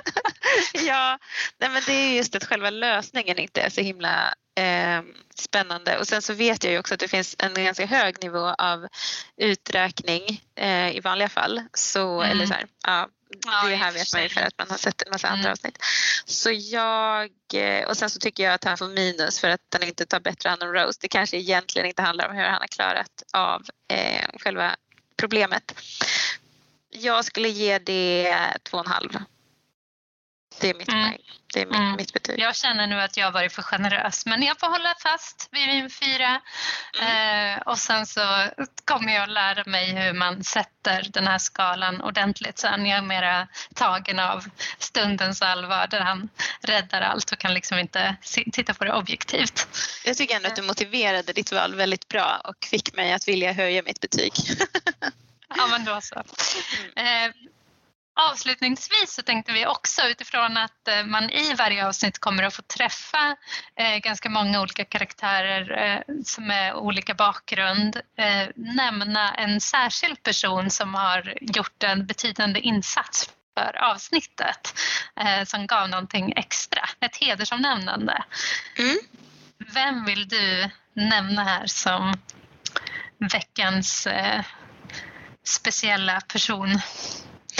Eh, det kanske är ganska uppenbart men jag vill då ge veckans hedersomnämnande till eh, trädkvinnan Jabe som offrade sitt liv för andra så heroiskt. Det kanske man kan förvänta sig. Mm. Du då? Jag vill ju samma här. Jabe, vilken kvinna. Eh, det, hon gör ju mycket. Jag vill också att vi inte ska glömma bort Raffalo, den mm. blåa rörmokaren Hon gav ett så sympatiskt intryck. Det gjorde hon verkligen och dog utan att ens liksom veta att hon hon bara utsattes för något där hon var som en eh, arbetare i ett eh, förtryckande hierarkiskt samhälle så dog hon på sitt arbete.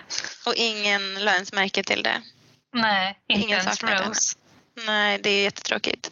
Hon var ju också den som fick Rose att öppna upp och börja tänka och frågade hur, Rose, eh, hur det var med henne och ja, hon fick Rose mm. börja eh, berätta lite grann och börja tänka lite över hur hon mår. Så det, ja, verkligen, jag håller med. Glöm aldrig Ruffalo, glöm aldrig Jabe. Nej, och det är så tråkigt att vi inte får träffa, eller liksom att Jabe dör så, så här. Man hade velat att hon skulle vara en återkommande karaktär. Mm. Men eh, hade hon fått leva så hade hon antagligen ändå inte blivit en, eh, en följeslagare för vi vet ju att doktorn helst reser med människor. Det vet vi. Ja, och ja. hon verkar också vara en ganska stark person som har sitt eget liv så det hade nog ändå inte blivit någon så många Tardis-resor med henne. Nej. Du, jag tror att vi närmar oss eh, slutet på denna resa till jordens undergång. Ja, spännande. Det har varit jättekul att prata om det här avsnittet och eh, det blev ganska långt tror jag. ja. ja väldigt långt. Eh, vi får se nästa gång, nästa avsnitt så kommer vi istället för att åka till eh, jordens undergång få resa tillbaka till eh, det viktorianska London. Så spännande. Så, ja, så vi ses då. Det gör vi. Ha det bra så länge. Ja. Hej då. Hej då.